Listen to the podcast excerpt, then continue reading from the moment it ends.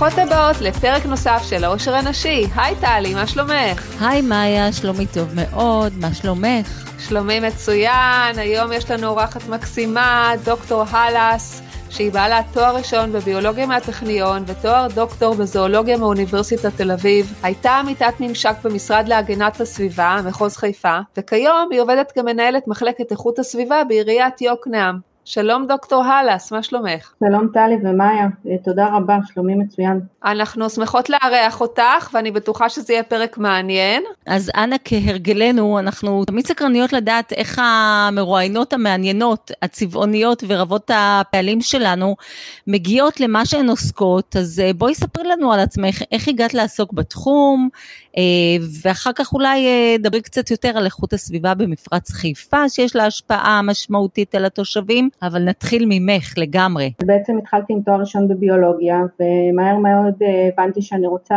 להמשיך ללימודים מתקדמים, וככה לקראת סוף הדוקטורט כבר היה לי ברור שמחקר זה, זה לא הדבר המשמעותי שאני רוצה לעשות, ואני רוצה להתמקד באיזושהי עשייה יותר רחבה, ופחות להישאר במעבדה, יותר לצאת החוצה. שמעתי על תוכנית ממשק, שהיא תוכנית אה, נפלאה, באמת נהדרת, שעושה שינוי במגזר הציבורי. זו תוכנית שלוקחת בעצם אה, מדענים ומציבה אותם במשרדי הממשלה, תפקיד של יועץ, אה, בדרך כלל אנשים בכירים במשרדי הממשלה, זה לא חייב להיות במשרד להגנת הסביבה כמו שאני תפקדתי, זה יכול להיות במשרד הפנים, במשרד האנרגיה, במינהל התכנון ועוד כל מיני מקומות שבהם יש בעצם למדע תפקיד לתת בעצם למקבלי ההחלטות כלים יותר מושכלים לקבלת החלטות, לתת להם מספיק מידע. כי הרבה פעמים יש נתק בין האקדמיה לבין המעשי בשטח, וזה בעצם מאחד בין שני הגורמים. נכון מאוד, בדיוק זו המטרה, לקחת את, אה, את המדע שבדרך כלל הוא מבודד ולהנגיש אותו. אה, והאגודה הישראלית לאקולוגיה ומדעי הסביבה, שבעצם מובילה את תוכנית ממשק, מאפשרת גם באופנים אחרים להנגיש את המדע, למשל על ידי אספקה של מידע מדעי לתקשורת. תקשורת על ידי אה, סוכנות ידיעות שנקראת זווית והרבה מהכתבות בוויינט למשל של אה, תחומי סביבה מגיעים דרך, אה, דרך המנגנון הזה. באמת יש כתבות נורא מעניינות לפעמים בוויינט. חייבים להגיד שזה איזה מצב של win win situation, זאת אומרת גם מצד אחד יש לנו את אפשרות אה, להעשיר את עיניהם של מי שיושב ולוקח החלטות אבל לא, במי, לא בהכרח מכיר את התחום המדעי וגם מצד שני לעזור לאנשים שעוסקים במחקר ומדע ולא תמיד מוצאים את דרכם אה, מבחינה תעסוקתית אה, לתרום את מה שיש להם לתרום. אז זה נראה לי משלב את שני הדברים ביחד בצורה נהדרת, התוכנית הזו של ממשק. נכון, אני גם חושבת שיש לה יתרון נוסף של באמת אה, לקחת ולאפשר למגזר הציבורי לקבל איזשהו פול של אנשים שהם לא הקנדידטים הקלאסיים של השירות הציבורי. לפתוח את העיניים של כל המגזר הציבורי לאנשים מאוד מאוד מקצועיים, שבסוף הם גם משתלבים, זאת אומרת התוכנית היא לא תוכנית השמה, אבל בפועל אה, אחוז המשתלבים בשירות הציבורי מאוד גבוה, ואפשר לראות שינוי גם אה, אפילו תוך כדי תוכנית ממשק. ומה שיפה בתוכנית שבעצם בעצם אה, העמיתים לא בהכרח לוקחים את התחום שממנו הם באים ומשלבים אותו, זאת אומרת אם אה, תיקחו אותי למשל אה, לדוגמה, אני חקרתי בדוקטורט שלי על מוגים, okay. אוקיי. כן זה נשמע אבסורד ואז בעצם הגעתי למפרץ חיפה. הבאת לפחות אקווריום לעיריית יוקנעם?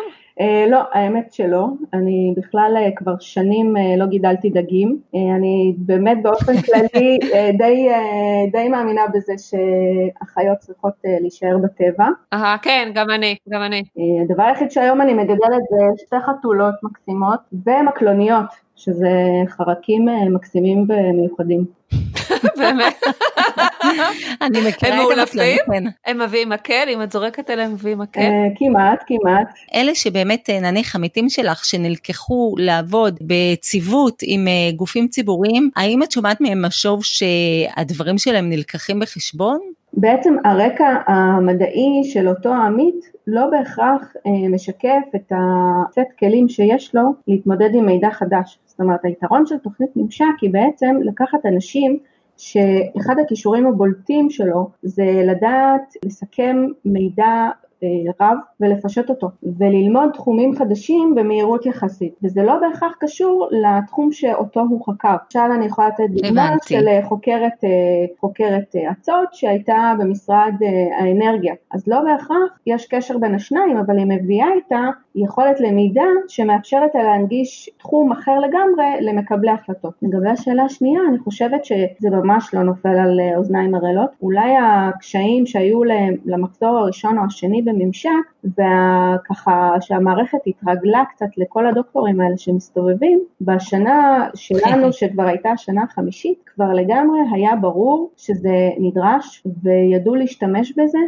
מה שנקרא מנטורים, האנשים שהם באמת הסמנכ"לים, המנכ"לים של המשרדים, אם ידעו לבקש את המידע, זה ממש לא נופל על אוזניים ערלות. אני יכולה להגיד שבאמת רואים בשנים האחרונות שינוי מאוד מאוד משמעותי במגזר הציבורי וזה בזכות, אה, גם בזכות תוכנית כמו ממשק וגם בזכות אה, תוכנית כמו צוערים לשירות המדינה שמביאה באמת כוח אדם סופר איכותי ובסופו של דבר רוב האנשים מוצאים את מקומם. יפה, מחמם לב אה, לשמוע.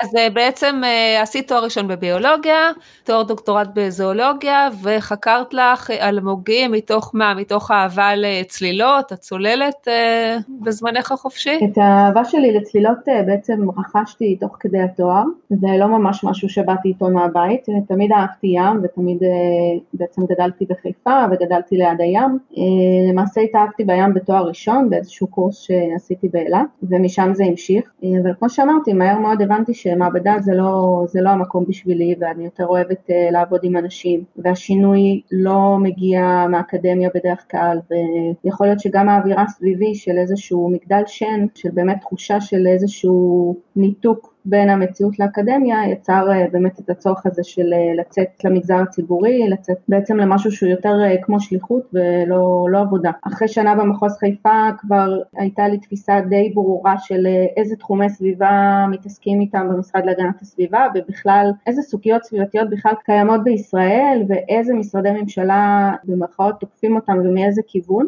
אז זה מעניין, אולי את רוצה לספר לנו על זה קצת ממש ברפרוף בלי להיכנס לפרטים. אז אני יכולה יכולה לתת אה, אה, דוגמה שיכולה ככה לגעת בכולם, למשל אה, עמיתים שהיו במשרד הפנים והם סייעו בקבלת החלטות של איך בונים בישראל ומה בונים Aha, ואיך okay. כן. עיר אמורה לתפקד בשביל לתת את המענה הטוב ביותר לתושבים. אז הגעת מעולם האלמוגים הקסום ומגדל השן האקדמי, המאה הטורקיז של אילת, הישר ל...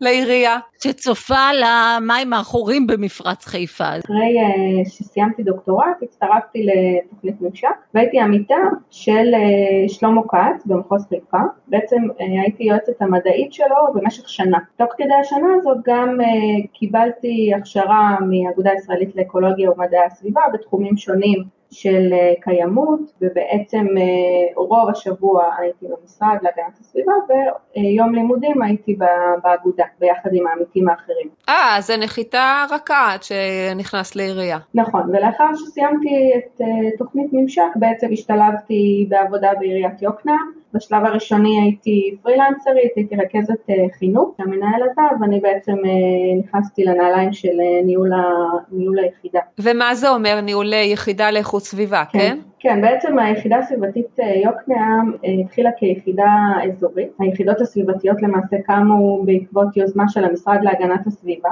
שמממן למעשה יחידות סמך שלו שיכולות לתת מענה יותר טוב בשטח. אה, למשרד להגנת הסביבה בעצם יש יחידת מטה ויש לה מחוזות ובמחוזות יש אנשי מקצוע לכל תחום, למשל בתחום של זיהום אוויר, בתחום של אה, רעש, של קרינה, של מזיקים, אה, תחום של רישוי עסקים, אבל מי שבפועל מבצע את המדיניות של המשרד להגנת הסביבה ביחד עם המחוזות זה היחידות הסביבתיות ומחלקות בעיריות. שכן בחרו להקים יחידה, אה, בעצם מחלקה. אה, איכות סביבה, זה הכל טוב ויפה, אבל אה, לא תמיד זה כלכלי. יכול להיות שיש משהו שהוא מאוד לא, אה, שהוא מזהם, אבל מה לעשות, עיריות תמיד יש להם מחסור בכסף, תלוי, תלוי איפה, אבל עיריות שהן לא תל אביב בוא נאמר, שלא מחלקות דוחות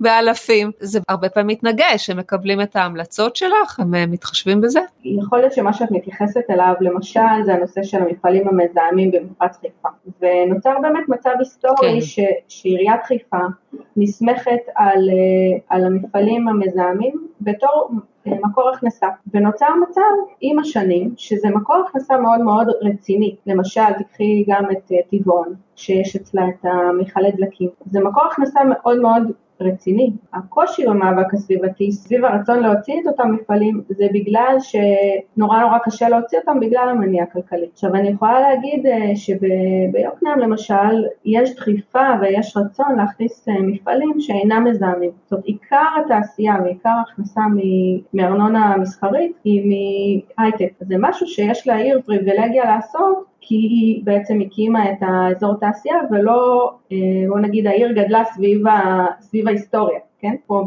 בחיפה.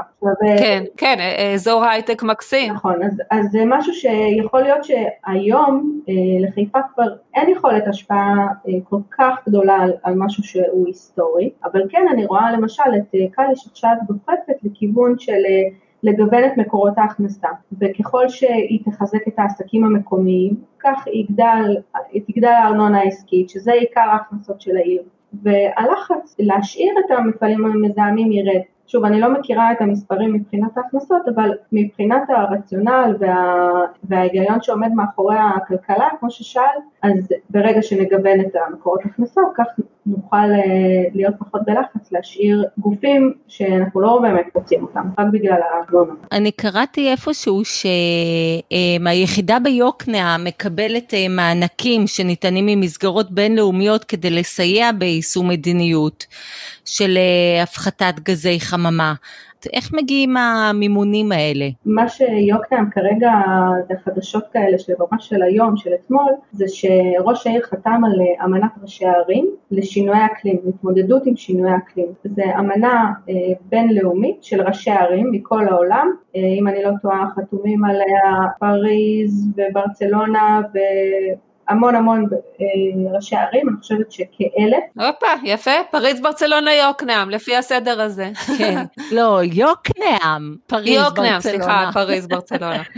רגע, אבל רק לעשות חידוד, זה לא, אנחנו לא מדברים על הסכם פריז הידוע ש, של שנת, נדמה לי, 95 אה, או משהו, זה משהו אחר, את, את מספרת לנו על משהו חדש? כן, זה, זה משהו חדש. למעשה הסכם פריז פתח את הפתח להסכמים בינלאומיים שעוסקים במשבר האקלים, מה שקראנו לו פעם ההתחממות הגלובלית אה, או שינוי האקלים, ובהמשך היום אנחנו כבר יותר נוטים לקרוא לו משבר האקלים. ולמעשה אמנת ראשי הערים שראש עיריית יוקנעם סימון אלפסי חתם עליה ממש לאחרונה היא אמנת ראשי הערים שראשי הערים ברחבי העולם חותמים עליה במטרה אה, להציב יעדים עירוניים בתחומי אה, גבולות ההשפעה שלהם, שנועדו בעצם אה, מצד אחד להכין את היישוב לשינויים שיבואו, מצד שני כן אה, לתרום מלחמה במרכאות בשינוי האקלים על ידי הפחתה של פליטות גזי חממה והגברת הנגישות לאנרגיה מתחדשת. מה זה אומר בפועל בשורה התחתונה ביום יום שלנו? כן. זה אומר שאנחנו בעצם בונים תוכנית שבה אנחנו סוקרים את כל הוצאות האנרגיה של, ה, של הרשות, מציבים לעצמנו איזשהו יעד של הפחתה, אנחנו גם אה, ממפים את האיומים הסביבתיים בעקבות המשבר, למשל אה, יוקנעם לא התברכה בים, ולכן לא רלוונטי מבחינתה עלייה בשינוי אה, מפלס פני הים,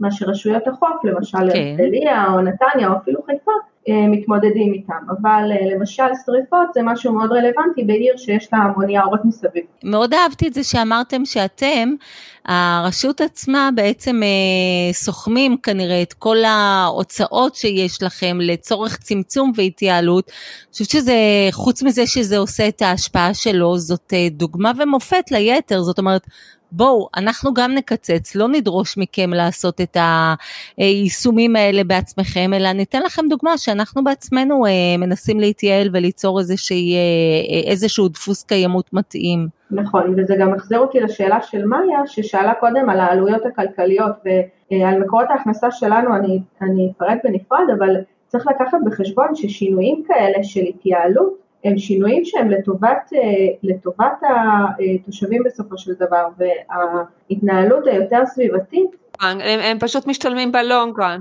נכון, ואפילו בשורט רן, אם את לוקחת אה, עכשיו אה, פרויקט של תאורה, החלפה של תאורה סולארית לתאורת לד, זה, ללדים. זה משהו שההחזר ההשקעה שלו הוא מאוד קטן, ועלויות של תאורה ביישובים עירוניים היא מאוד מאוד גבוהה.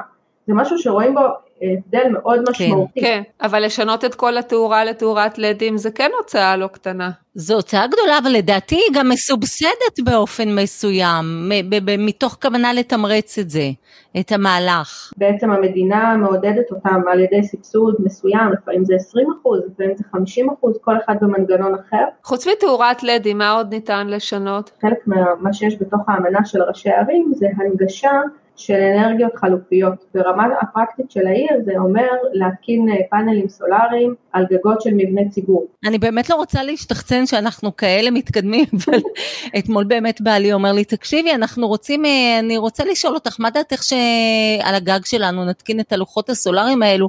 מדובר בהוצאה של 80 אלף שקל, ואני נזעקת ואני אומרת לו, מה פתאום, בתקופה כזו, משבר קורונה, את יודעת, עוד לא עשיתי בכלל את המחשבה, מה זה ייתן לנו בעתיד, ואז הוא התחיל לפרוט לי את זה, את החיסכון העתידי של זה בחשמל, וזה נכון שזה נורא קשה, אני אומרת, גם לרשויות ציבוריות, אבל גם באופן פרטני, שאזרחים רוצים לעבור לאנרגיה ירוקה, אה, מתקשים לעשות את המחשבה הזו שמאיה אמרה, על הטווח הרחוק.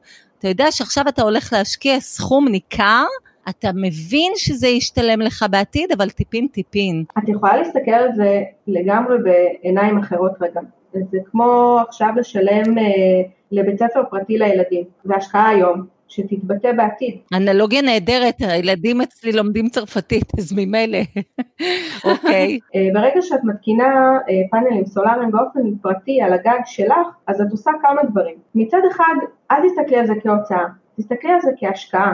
עכשיו בנוסף לעלות הראשונית, החזר ההשקעה הוא, היום הוא יחסית טוב, כי המחיר של הפאנלים מאוד ירד, והיום עדיין המחירים שחברת חשמל נותנת אה, עבורך, עבור, הם בעצם הרי קונים את החשמל שאת מייצרת, המחירים עדיין יחסית אטרקטיביים. לא לפני, כמו לפני עשר שנים, כן. אבל עדיין אטרקטיביים. החזר ההשקעה הוא יחסית נמוך, ואם את משווה את זה באופן כללי לעולם ההשקעות, אז ההשקעה עדיין טובה מאוד. בנוסף, אם יש לך בית פרטי mm-hmm. ואת מקרה אותו בפאנלים סולאריים, את גם מפחיתה את רמת הקרינה שמגיעה אלייך לגג.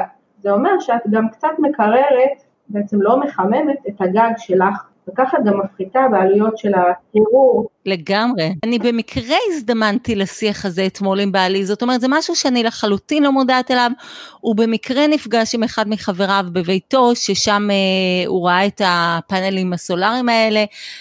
אני שואלת את עצמי, איך זה שמרביתנו כנראה לא ערים בכלל לאופציה הזו? זאת אומרת, זה חלק מהתפקיד שלי בעיריית יוקנעם, שכל תושב יוקנעם שיש לו גג בגודל מסוים, שהוא ידע שיש לו את האפשרות הזאת. או, לשם חתרתי. אני רוצה לשתף מהניסיון הפרטי שלי, שאני לא יודעת אם זה כלל ארצי, אבל הרבה מהשינויים שנעשו פה בבית, זה אחרי שהילדים אה, ספגו, אני לא יודעת אם זה מהבית ספר או מהאינטרנט, את החשיבות אה, של שמירה על איכות סביבה, והתרגלנו פה, סיגלנו כל מיני הרגלים שתכף אני אחקור אותך האם הם אה, יעילים או לא אה, לגבי איכות סביבה. הרבה פעמים זה מהדור הצעיר שהם פשוט אה, פתחו את העיניים שלהם, נכון. מישהו פתח את העיניים נכון, שלהם. נכון, אני שמחה שאת אומרת את זה, כי, כי הרבה מהמשאבים שלנו הולכים כלפי הילדים. ומה שהם ילמדו בבית הספר, ואז ידרשו מה, מההורה לעשות את השינוי בבית. אז אז זה עושה שינוי, אני אומרת לך מהניסיון הפרטי שלי, אני בהתחלה התעצלתי. Mm-hmm. אמרתי, לא יודעת, גם ככה קשה, מה אני אתחיל עכשיו להפריד לזה, ל... אין פה למשל אה, מחזור של אה, זכוכית ליד הבית, אז אני צריכה ללכת, איזה כברת דרך וזה כבד הבקבוקים, כן. אז אה, הלכתי לאייס, קניתי לי שני, אה, שתי סלסלות, אחת בצבע כתום, בשביל לדברים לפח הכתום, ועוד סלסלה בצבע סגול, והייתי מאוד גאה בעצמי, אבל לא ידעתי אם זה יחזיק מעמד.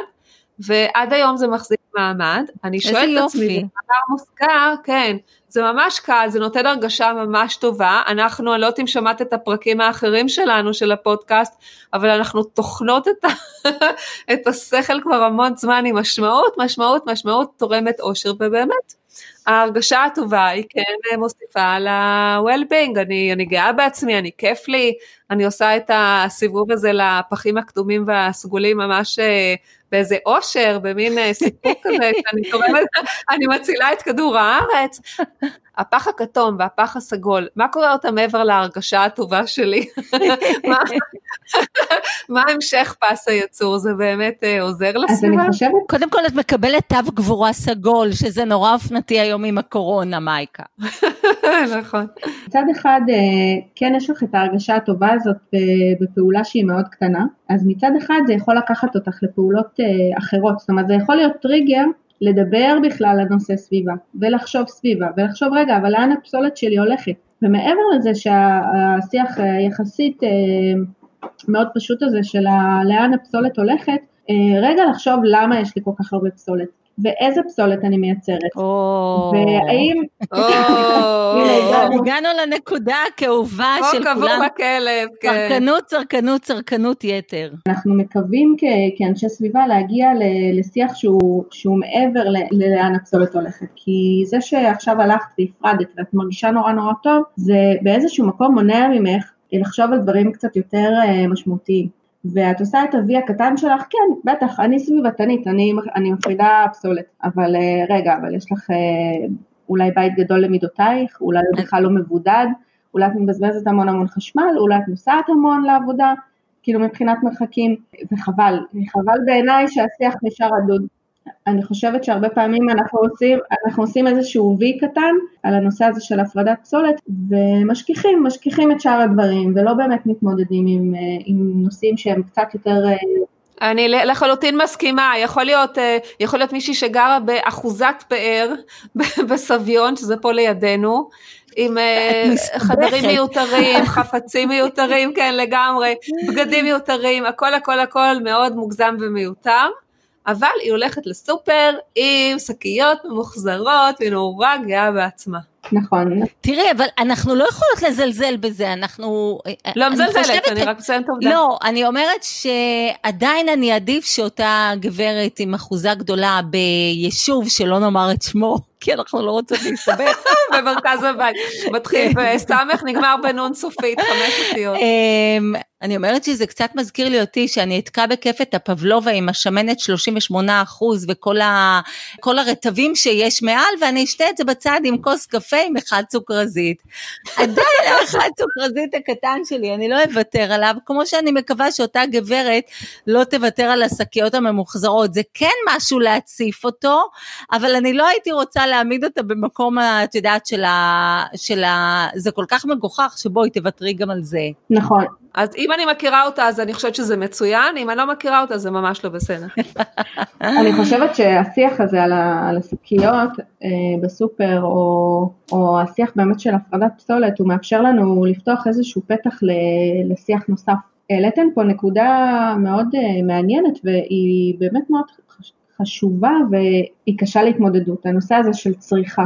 לכי תגידי לבן אדם כן או לא לגור במקום מסוים, או כן או לא לנהוג באוטו מסוים או לא. את לא יכולה, בגדול את לא יכולה לנהל את השיח הזה, כי לאנשים יש בחירה חופשית, ויש אנשים שיש להם אמצעים, וזה בסדר גמור שהם רוצים עבור, עבור עצמם אה, בית גדול, אה, ואני לא אומרת שכולם צריכים לגור בדירת שלושה חדרים, בעיר, במקום מסוים. זה שיח ש... שבאמת מי, מי אתה איש הסביבה שתגיד לנו להיות uh, טבעוני ו... כן, אני חושבת שזה המקום שמכשיל ומייצר אנטגוניזם. סליחה שאני חוזרת שנייה להפרדת פסולת, אני פשוט באמת סקרנית מכל הלב. זה, זה באמת יעיל, ההפרדת פסולת? הזכוכית הולכת ליצור זכוכית חדשה, הפח הכתום מייצר משהו כתום? משהו כתום. מה שאנשים יודעים על פסולת, אה, תאגיד תמיר עשה שינוי מאוד גדול בתודעה הציבורית, וזה ייאמר לזכותו. נושא הפרדת הפסולת הוא סופר מורכב וזה מאוד תלוי איפה את גרה וזה תלוי אה, בהמון אה, גורמים, באיזה, בדיוק באיזה פסולת מדובר. המטרה של הפרדת פסולת במקור, מה שנקרא בבית שלך או ביישוב, נועדה באמת להפריד טוב יותר את הזרמים. וברגע שהנייר לא יהיה מעורבב עכשיו עם הפלסטיק, הסיכוי שהוא יגיע באמת אה, להפוך לחומר גלם אחר או אה, לחזור להיות את אותו חומר גלם, כמו למשל עם נייר, הסיכוי הזה עולה. ומרכזי ההפרדה ש... כן. שצריכים באמת להפריד את כל הזרמים עובדים פחות ביעילות כמו אה, מאשר האנשים בפועל, האנשים בבית. אז מייצרים מזה משהו בסופו של דבר. הכוונה היא להגדיל באמת את, ה, את הכמות של, ה, של המחזור ו, אה, ולהפחית את ההטמנה, זה, זה הרצון. מבחינת אחוזים אני לא יודעת להגיד לכם, אבל כן זה אבל חשוב. אבל זה עוד לא בפועל. לא, זה בפועל כן, יש המון אה, זרמים שמתמחזרים אה, עד הסוף, ויש באמת עבודה יפה ש, שנעשית פה בארץ, ו... בכיוון כללי של כל מה שיש אה, אצלנו יעבור אה, איזשהו שימוש אה, חוזר ומחזור, יהפוך לחומר גלם אחר. אסור לנו לשכוח שבסופו של דבר כשאני קונה מוצר מסוים שמייצר אותו משקיע המון המון אנרגיה, המון המון אנרגיה בייצור שלו, ולא בהכרח תהיה אפשרות לייצר ממנו משהו אחר. המחזור שלנו בעצם הוא לא recycle, זה לא באמת חוזר בדרך כלל אה, לשימוש אמיתי, אלא זה עובר downcycle. זה אומר שאם יש לי פלסטיק של אה, אריזה מסוימת, הדבר היחיד שאני אוכל לייצר ממנו זה את הסלסלות הירוקות האלה של העגבניות שרי. ואחרי שהגענו למוצר הזה, זה כבר, זה כבר מוצר נחות שאין לנו ברירה אנחנו זורקים אותו על הפח והוא הולך להטמנה. את צודקת בזה שזה מגדיל את המודעות, כי עכשיו למשל, אם אני לפעמים קונה בקבוקי סודה, אוקיי? אז אני גאה בעצמי, וואלה, נגמלתי כבר מכל הזירו, אני קונה לעצמי סודה. אבל כשאני נזכרת בהליכה על הפח הסגול של המחזור של הזכוכית, ואני אומרת, רגע, למה למה העולם יצר עוד בקבוק זכוכית בשביל השלוק אה, סודה שאני שותה? אז זהו, נתת פה דוגמה. זה, זה גם סוג של זיהום וזה מגדיל את המזיהום. אני חושבת שדווקא הדוגמה שלך, אה, בלי לשים לב, הייתה מאוד טובה, כי דווקא זכוכית לוקח המון המון אנרגיה לייצר את הבקבוק, בגלל שהמסע של, של הזכוכית דורשת טמפרטורות מאוד גבוהות. אז את לוקחת בעצם מוצר שאת אומרת זה בקבוק סודה קטן, אני שותה אותו בדיוק לשנייה, ואחר כך אני זורקת אותו לפח. הבקבוק מתנפץ, בסדר, ימיסו אותו אחר כך שוב, עוד פעם אנרגיה, בשביל לייצר עוד בקבוק. זה, זה שנגמלתי מכל הזירו, זה לא מקנה לי זכות קצת לזהם את העולם? לא, לא מגיע לי קצת? אחרי שזיימת את המערכת הפנימית שלך, כן, אז כדי ליצור אה, מה שנקרא אה, כלים שלובים, איזון. את והעולם. אבל רגע, יש לי שאלה אחרת, למה החברות עצמן, באמת, אני פתאום מנסה לחשוב, למה שהן יתעקשו לייצר את בקבוק הסודה הקטנטן מזכוכית, זה פשוט ממותג יותר? כי זה מוכר. אני חושבת שהרבה פעמים אנחנו, אנחנו חוטאים ב... בהאשמה החוצה, ואנחנו אנחנו, ש... אנחנו פחות אוהבים לה, להסתכל על עצמנו ועל הפעולות שלנו. אני שואלת בעצם מה המניע של החברה היצרנית ל... לעסוק בזכוכית ולא בפלסטיק, כשזכוכית היא גם יותר שבירה, זאת אומרת היא שבירה והפלסטיק לא, הבקבוק עלול להישבר, וגם יותר כבדה וכנראה גם יותר יקרה. מה בעצם המניע? זה רק פשוט משום שזה ממתג את המשקה הזה כמשהו קצת יותר יוקרתי? אני חושבת שכשאנחנו מדברים על החברות, אנחנו חייבים לזכור שלחברה יש שורת רווח, וכנראה שאם היא מייצרת משהו, או שהיא מוכרת משהו, או שהיא ממתגת משהו בצורה מסוימת, זה רווחי לה. ויכול להיות באמת שאת אומרת הזכוכית היא כבדה יותר, העלויות ייצור שלה גבוהות יותר, אבל זה חלק מסל המוצרים של אותה חברה. זה קצת אה, תופס אותי בנקודה של אה, עכשיו רגע, אבל החברה אשמה, או אבל אני לא אשמה נגיד ב... הנה נגמלתי מקולה. אז אנחנו מדברים פה על שיח של חלופות, ויפה מאיה שהורדת את, אה, בוא נגיד את סל, סל הכימיקלים שאת מכניסה לגוף. זה, זה נהדר, זה באמת נהדר ולא בציניות. אבל אם אנחנו נלך, אולי ניקח אותך עוד צעד קדימה, וזה משהו שאני אוהבת לעשות עם האנשים ש, שאני מדברת איתם, ויוצא לי לדבר עם די הרבה אנשים, זה לקדם אותם עוד צעד קדימה. זאת אומרת, אם את שותה הרבה סודה ואת אוהבת סודה, המשפחה אוהבת סודה, אז בואי תשקיעי בחברת הסודה שמייצרת את, ה, את המכשירים שאפשר להכין את הסודה בבית, ותיקחי לך אה, שלושה, ארבעה, חמישה בקבוקים מפלסטיק, נכון זה עדיין מפלסטיק, אבל זה פלסטיק רב פעמי מאוד עמיד, אז גם יורד לך הקולה ופחות תאכלי, תשתי דברים לא בריאים. אבל גם פחות תשתמשי בכלים החד פעמיים. כן, כן, כן, לגמרי. לגמרי, זה מדבר על ההשקעה הזו העכשווית לטווח ארוך, זה מאוד מזכיר לי את ההיגיון שטמון בפאנלים הסולאריים. זאת אומרת בוא תחליף את זה, ככה תייתר את השימוש בחומר הזה, ואומנם זה יעלה לך עכשיו קצת יותר יקר מאשר כל פעם אה, לקנות אה, פה ושם אה, בקבוק אה, זכוכית, אבל אה, זה יחזיר את עצמו, נכון. גם לסביבה וגם לך מבחינת העלות. אם יישבר לך מהמגזר הציבורי אז תוכלי תמיד אה, אחרי הפודקאסט הזה לפנות לסודה סטרים או שטראוס, אה, אני בטוחה שזה ישמש בתור אה, רזומה. וזה גם אה, משתלם כלכלית בסוף, זאת אומרת אה, קחי מפעל גדול, יצרני, שעושה עכשיו איזושהי פעולה של אה, של התייעלות אנרגטית. אז הוא גם תורם לסביבה, הוא גם מפחית בעלויות אה, תפעוליות, זה ווין ווין לכולם בסופו של דבר. מה אתם עושים? איזה פרויקטים כאלה שבתחום אה, יוקנעם נעשים ומקדמים את נושא הקיימות? אז למעשה האמנה הבינלאומית. שראשי חתם עליה לאחרונה, היא לא אמנה, ש... היא לא תוכנית שמביאה בעצם מימון, זה איזושהי פשוט הצהרה וזה גם חשוב, ואני רואה יותר ויותר ערים מצטרפות. אה, ולמעשה אה, המימון שלנו הוא בחלקו מימון אה, ממשלתי, למשל תקציבי, כל, ה, כל היחידה שלנו בעצם, כל המחלקה נשענת על קול קורא של המשרד להגנת הסביבה, שתומך ביחידות סביבתיות, תומך בעצם בהעסקה כן. של כוח אדם, שהמטרה שלו היא לשמור על הסביבה, למשל פקח סביבתי, למשל איש יהודי שהתפקיד שלו זה לקדם את הפרדת הפסולת ביישוב. בעצם אם זה לא יהיה לך נגיש, אה, אז את לא, את לא תפרידי. אה, וכך גם... כן, בנות... מה עוד?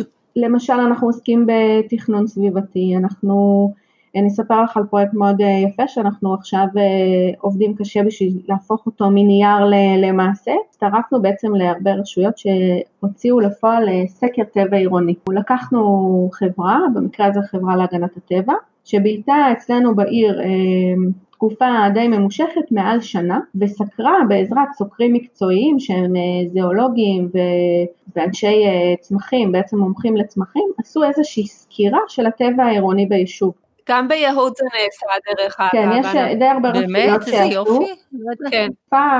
תל אביב אני חושבת עשו, ירושלים בטוח, אשדוד בטוח. העיקר הסקרים האלה זה לא להשאיר אותם על המדף. אה, הרבה פעמים ניירות מדיניות גם ומסמכים מאוד יפים כותבים דברים חשובים, אבל בסוף נשארים על מדף של מישהו.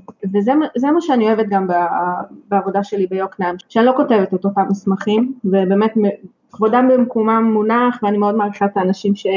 שעדיין עוסקים בכתיבה, לדייק את מה שעושה אותי מאושרת זה להוציא את הדברים לפועל. אני אשמח אם תמשיכי רגע את הרעיון, כי לא הבנתי. סקר הטבע הוא סקר תשתיות טבע, זאת אומרת יש איזשהו ניסיון למפות את הטבע העירוני ביישוב.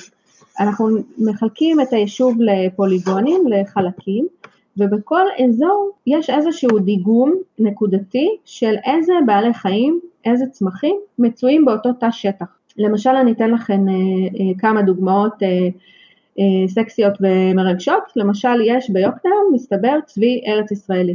וואו. שזה מאוד מפתיע, אותי זה הפתיע, לא רק חזירי בר, לא רק, מאוד. אה, לא רק דורבנים, באמת. מאוד, אצלנו יש רק דורבנים במעון אוסטון. אז אה, אני בטוחה שיש, שיש עוד בעלי חיים, למשל ביוקנעם יש שפני סלע. אה, סליחה, היה לנו אה, דלק, היה לנו דלק בעליית גג, שהוא באמת חיה יוצאת דופן. מה זה דלק? אני חושבת... דלק הוא סוג של כרסם יוצא דופן שנמצא בדרך כלל בחרמון או בערי יהודה, ואני לא יודעת משום מה הוא בחר. לא, אני אומרת לך, זה ממש אמיתי. את קוראת את זה עכשיו מהוויקיפדיה או מהראש רגע? ממש לא, תקשיבי, אנחנו, אה, אני מספרת את זה במאמר מוסגר, משום שיום אחד מצאנו בעליית הגג שלפעמים יש שם חולדות, ואנחנו אה, שמים מלכודות, נתפסה חיה, היא לא דמתה לשום חולדה, משהו יותר כמו חתול או סנאי ענק, צילמנו את התמונה ושלחנו לחבר שהוא אה, חובב טבע, והוא גר בכפר סבא, בתוך עשר דקות ספורות מכפר סבא הוא התייצב פה, כי הוא לא האמין למראה במראה התמונה, הוא רצה לראות במו עיניו שמדובר בדלק, כי זו חיה נדירה. אז אני חושבת שבקורות החיים של הייעוץ צריכה להתפאר בזה שנמצא פה דלק בעליית הגג. הוא כמובן לקח אותו ונסע עד ליער קולה ושחרר אותו שם. וואו, יפה. כן. הדוגמה שלך קצת נוגעת לי בצורה אסוציאטיבית למה שנקרא מדע אזרחי, שזה בעצם להשתמש באנשים שהם לא, אה, לא מדענים, לא זואולוגיים, לא אנשי מקצוע בתחום הסביבה, זה יכול להיות תלמידים, זה יכול להיות מבוגרים, ובעזרת היציאה שלהם לטבע ובעזרת המפגש שלהם והחיפוש של חיות או צמחים בטבע, מאפשר לגלות מינים שלא, אפילו לא ידעו שהם קיימים באותו אזור, או לגלות באמת את העושר, כן. את העושר שיש. זה תוכנית למשל שיש ברמת הגולן של אה, מדע אזרחי ואיתה בעצם ממפים את כל הטבע הנפלא הזה של הגולן שהיה מאוד קשה בעזרת כמה חוקרים אה, ללמוד על תא שטח כל כך גדול. אז אני יכול להיות שאנחנו גם אה, נבחר ביוקנעם לפעול בדרך הזאת של מדע אזרחי בהמשך ואם אני מדברת על הטבע העירוני אז, אז בעצם אחרי שמיפינו וידענו איפה יש מינים ואיפה יש עושר מינים גדול אנחנו יכולים כבר את התכנון העירוני לעשות בצורה קצת יותר מושכלת ולאפשר כן. את המקומות המקומות אולי היותר נדירים.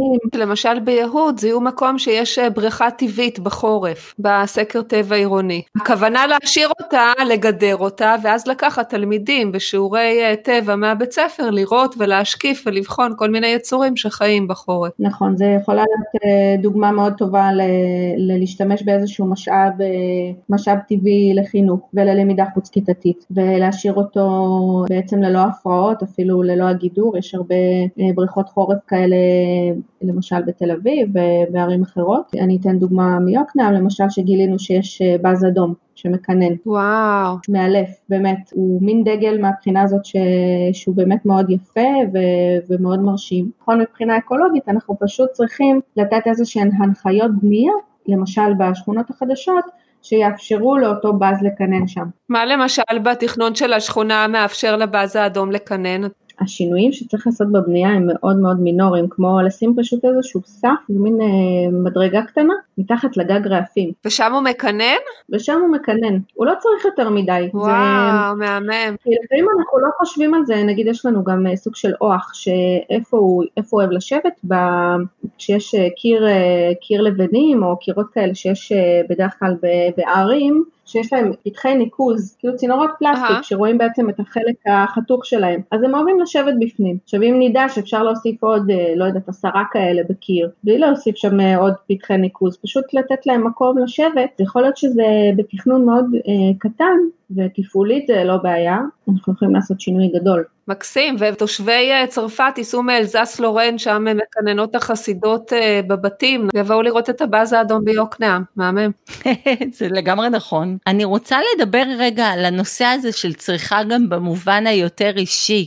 איך את מעבירה את המסר ואיך את גם מתמודדת, אה, בואי נגיד עם איזשהו craving נורא גדול, כמו שמרביתנו יכולות להרגיש, לקנות ולקנות בגדים ותיק נוסף ונעליים. שופינג. אה, כן, ודברים שאנחנו באמת לא זקוקות להן. האם את למשל קונה בחנויות יד שנייה, האם את משתמשת, אה, משתתפת במיזמים שבהם אה, משתתפים בבגדים, איך את מתנהלת עם זה? הרבה פעמים המניע של אנשים בצרכנות הוא לא המניע של להשיג את אותו דבר, זאת אומרת, אני עכשיו לא יוצאת לקניון אה, בהכרח במטרה של להתחדש בנעליים, כי הנעליים שלי הישנות בלויות. לא, זה לא קורה.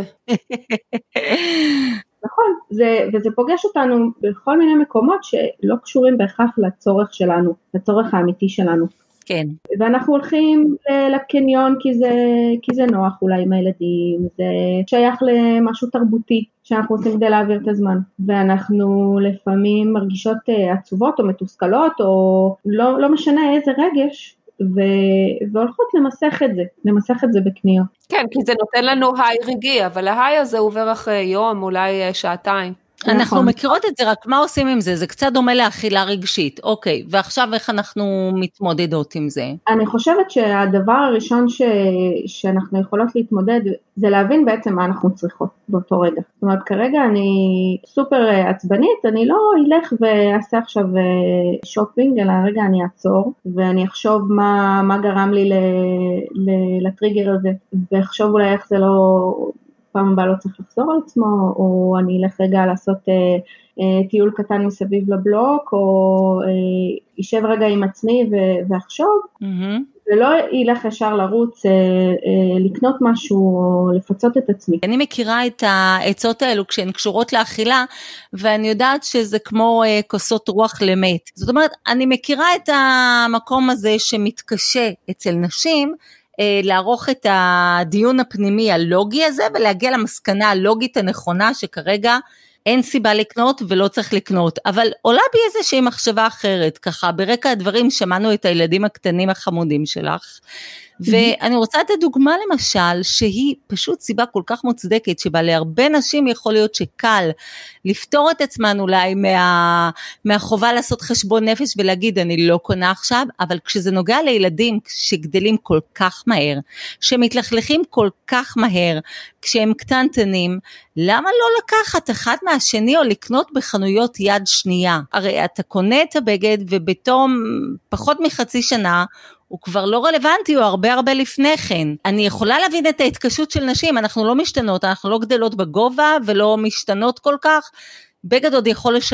לשרת אותנו עשר שנים קדימה או חמש שנים או עם ילדים קטנים זה הכי מתבקש ועדיין אני מוצאת שקשה לשכנע אנשים לקנות יד שנייה, או לעשות איזשהו פרויקט חברתי שבו הם נכון, לוקחים אחד מהשני. יש איזה מחסום פסיכולוגי, כן. כן, כי הילד הוא חדש, והילד הוא טהור, והילד הוא נקי, לא משנה שהוא ברגע אחד אה, הופך את כל הקערה על הראש עם השיער ודוחף לאף ולאוזניים. נכון, אני חושבת ש... שזה שיח מאוד מורכב, זה, זה באמת, אה, מצד אחד את לא, את לא תגרמי לאישה שינוי אם היא לא רוצה שינוי, ואת לא תגידי לה, את לא תצליחי לגרום לה רגע לעצור ולעשות רפלקציה על, על איך היא מרגישה, או מה עובר עליה, או האם מה שהיא עשתה באותו רגע היה נכון עבורה או לא. אבל אני חושבת שלמשל אם שאלת עליי, כן, אז אני אתן עליי דוגמה, על אה, לדייק, ומה הכוונה שלי לדייק, אם אני יודעת לקנות אה, רק אה, ג'ינסים ונוח לי לקנות רק חולצות שחורות, אז אני אלך וכל פעם כשאני הולכת לקניות אני לא יודע מה לקנות, ואני אחזור לאותם דפוסים ואני אקנה שוב את אותם דברים. ואם אני רגע אעצור ואחשוב מה אני צריכה, בתקופה האחרונה, זה התחיל בקורונה, עשיתי קורס סטיילינג. כמה נחמד. זה, זה ממש נחמד, זה כל כך לא אני, אבל אני יודעת שזה מה שהייתי צריכה. הייתי צריכה שמישהו, בעל מקצוע, שאני אשקיע בעצם את הכסף פעם אחת בבעל מקצוע שיוכל להגיד לי מה אני צריכה, למה אני בכלל נכנסת לקניון? ואני יכולה להגיד לך שהקניות שלי סופר מדויקות. אני בכלל לא אוהבת קניונים, אני אישית, כן? כן, זה נורא. אבל הרבה יותר קונה מבעבר ומאוד משתדלת לקנות ביד שנייה, אבל זה, שוב, זו תפיסה של אה, יש לי מספיק אה, אה, מגוון ביד שנייה, לא בטוח, יכול להיות שאין מספיק תרבות של, של יד שנייה וזה לא מספיק נגיש לנשים. אין מספיק, חד משמעי אין מספיק. אין, אין, בחוץ לארץ יש. גם אם אני קונה בקניון רגיל, אז אני, ואני לא קונה עכשיו 16 שמלות שחורות, כי אני לא צריכה, אני צריכה רק אחת. אז כן. זה הנושא של הדיוק. אז אני רוצה לשתף משהו, וטלי תעיד. אני אה, רגילה לחפור אה, לטלי ולכל מי שנמצא סביבי על מינימליזם. לא לחפור, לחלוק, לחלוק, זה יפה. לחלוק על מינימליזם. אני אומרת, אופנת הזבל, האופנה המהירה, זה דבר פסול מן היסוד, ולכן לא צריך לקנות במבצעים, כי מבצעים זה משהו שגורם לנו לקנות יותר ממה שאנחנו צריכים, צריך לדייק, אני לא קונה בזול, אני קונה דבר אחד, הכי טוב. בפועל אני קונה את הדבר האחד הכי טוב, ושבוע אחר כך אני קונה עוד אחד הכי טוב, ועוד אחד הכי טוב, ועוד אחד הכי טוב. זה, הנה, בבקשה, וידוי. אז אני גם מזהמת אה, גם את הסביבה וגם את החשבון בנק שלי. אבל את מזהמת באופן איכותי לגרדרובה שלך. באופן מאוד איכותי. כן. מצד אחד אה, סביבה היא, היא משהו מאוד אישי, זאת אומרת איך אני משפיעה על הסביבה זה נוגע להחלטות שלי האישיות, וגם כמו שדיברנו קודם זה נוגע גם בהחלטות שהן מחוץ לידיים של רוב האנשים. איך עיר מתנהלת זה משהו שהוא מחוץ לידיים של רוב האנשים. אז אני חושבת ש... שאנחנו מנסים לגעת גם בזה וגם בזה. אבל כמו שאת אומרת, אף אחד עכשיו לא הכריח אישה רגע לעשות רפלקציה על החיים שלה אחד לא יכריח אותה להיות יותר מאושרת ולמצוא אלטרנטיבות לשופינג אם היא לא תרצה. כן. אני חושבת שזה, שכן התפתחות אישית וכן רגע לעצור, לעצור רגע ולשאול אה, את עצמך רגע, אבל מה הצורך שלי כרגע? זה מוריד את הצריכה, זה לא מוריד אותה לאפס מן הסתם, כי כולנו, כולנו צרכנים, אבל זה מאוד מפחית את, ה, את הקניות שהן לא ממקור אמיתי. של צורך, כן. זה בסדר גמור לקנות לילדים בגדים חדשים, אבל אני חושבת שהלבשה זה לא משהו שמפתיע אותך, זאת אומרת, אתה, אתה יודע שילדים גדלים, אתה יודע שהם צריכים עכשיו בגדים לחורף הבא, וכמו שאנחנו אה, אולי נעשה שיקול כלכלי, אם אנחנו נדע מה ההשלכות של המעשים שלנו, אנחנו נדע מה תעשיית האופנה, מה כרוך בזה שיש לי חולצה ב-20 שקלים, אז יכול להיות שאני אשקול מחדש, לא בטוח, המודעות עוזרת. וגם זה צריך להיות זמין, ברגע שאין לי חנויות יד שנייה ואין לי דודה שמעבירה לי בגדים, אני מבינה את הקושי.